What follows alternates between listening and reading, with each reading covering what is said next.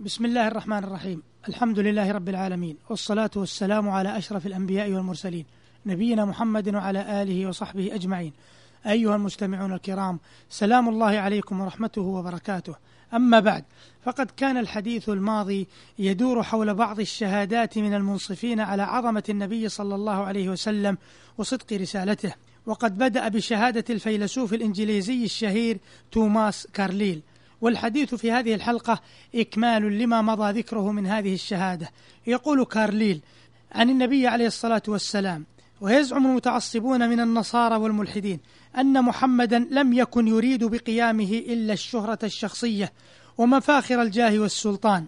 كلا ويم الله لقد كان في فؤاد ذلك الرجل ابن القفار والفلوات المتوقد المقلتين العظيم النفس المملوء رحمة وخيرا وحكمة وحجة أفكار غير الطمع الدنيوي ونوايا خلاف طلب السلطة والجاه وكيف لا؟ وتلك نفس صامتة كبيرة ورجل من الذين لا يمكنهم إلا أن يكونوا مخلصين جادين فبينما ترى آخرين يرضون الاصطلاحات الكاذبة ويسيرون طبق الاعتبارات الباطلة إذ ترى محمدا لم يرضى أن يتلفع بمألوف الأكاذيب ويتوشح بمبتدع الأباطيل لقد كان منفردا بنفسه العظيمة وبحقائق الأمور والكائنات لقد كان سر الوجود يسطع لعينيه بأهواله ومخاوفه وروانقه ومباهره ولم يكن هناك من الأباطيل ما يحجب ذلك عنه.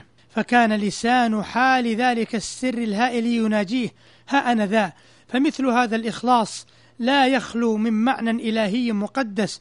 فإذا تكلم هذا الرجل فكل الآذان برغمها صاغية وكل القلوب واعية وكل كلام ما عدا ذلك هباء وكل قول جفاء. إلى أن قال كارليل عن النبي عليه الصلاة والسلام إذا فلنضرب صفحا عن مذهب الجائرين أن محمدا كاذب ونعد موافقتهم عارا وسبة وسخافة وحمقى فلنربأ بأنفسنا عنه. إلى أن قال وإن دينا آمن به أولئك العرب الوثنيون وأمسكوه بقلوبهم النارية لجدير أن يكون حقا وجدير أن يصدق به. وإنما أودع هذا الدين من القواعد هو الشيء الوحيد الذي للإنسان أن يؤمن به. وهذا الشيء هو روح جميع الأديان وروح تلبس أثوابا مختلفة وأثوابا متعددة وهي في الحقيقة شيء واحد. وباتباع هذه الروح يصبح الإنسان إماما كبيرا جاريا على قواعد الخالق تابعا لقوانينه لا مجادلا عبثا أن يقاومها ويدافعها. لقد جاء الإسلام على تلك الملل الكاذبة والنحل الباطلة فابتلعها وحق له أن يبتلعها لأنه حقيقة وما كان يظهر الإسلام حتى احترقت فيه وثنيات العرب وجدليات النصرانية وكل ما لم يكن بحق فإنها حطب ميت. إلى أن قال أيزعم الأفاكون الجهلة أنه مشعوذ محتال؟ كلا ثم كلا. ما كان قط ذلك القلب المحتدم الجائش كأنه تنور فكر يضور ويتأجج ليكون قلب محتال ومشعوذ؟ لقد كانت حياته في نظره حقا. وهذا الكون حقيقة رائعة كبيرة. إلى أن قال كارليل مدافعا عن النبي عليه الصلاة والسلام مثل هذه الأقوال وهذه الأفعال ترينا في محمد أخا الإنسانية الرحيم أخانا جميعا الرؤوف الشفيق وابن أمنا الأولى وأبينا الأول وإني لأحب محمدا لبراءة طبعه من الرياء والتصنع ولقد كان ابن القفار رجلا مستقل الرأي لا يقول إلا عن نفسه ولا يدعي ما ليس فيه ولم يكن متكبرا ولكنه لم يكن ذليلا ضرعا.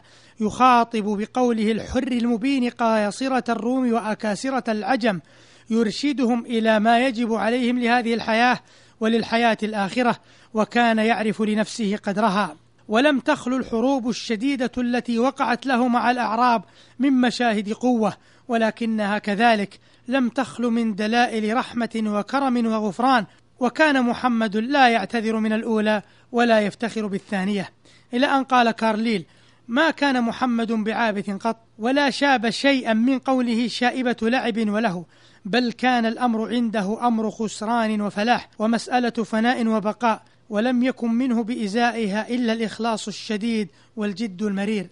فأما التلاعب بالأقوال والقضايا المنطقية والعبث بالحقائق فما كان من شأنه قط وذلك عندي أفظع الجرائم. إذ ليس هو إلا رقدة القلب ووسن العين عن الحق وعيشة المرء في مظاهر كاذبة. وفي الإسلام خلة أراها من أشرف الخلال وأجلها وهي التسوية بين الناس وهذا يدل على أصدق النظر وأصوب الرأي. فنفس المؤمن رابطة بجميع دول الأرض والناس في الإسلام سواء. إلى أن قال وسع نوره الأنحاء وعم ضوءه الأرجاء وعقد شعاعه الشمال بالجنوب والمشرق بالمغرب. وما هو إلا قرن بعد هذا الحادث حتى أصبح لدولة العرب رجل في الهند ورجل في الأندلس وأشرقت دولة الإسلام حقبا عديدة ودهورا مديدة بنور الفضل والنبل والمروءة والبأس والنجدة ورونق الحق والهدى على نصف المعمورة. أيها المستمعون الكرام انتهت هذه الشهادة من الفيلسوف الإنجليزي توماس كارليل للنبي عليه الصلاة والسلام وبها ينتهي وقت هذه الحلقة. والسلام عليكم ورحمة الله وبركاته.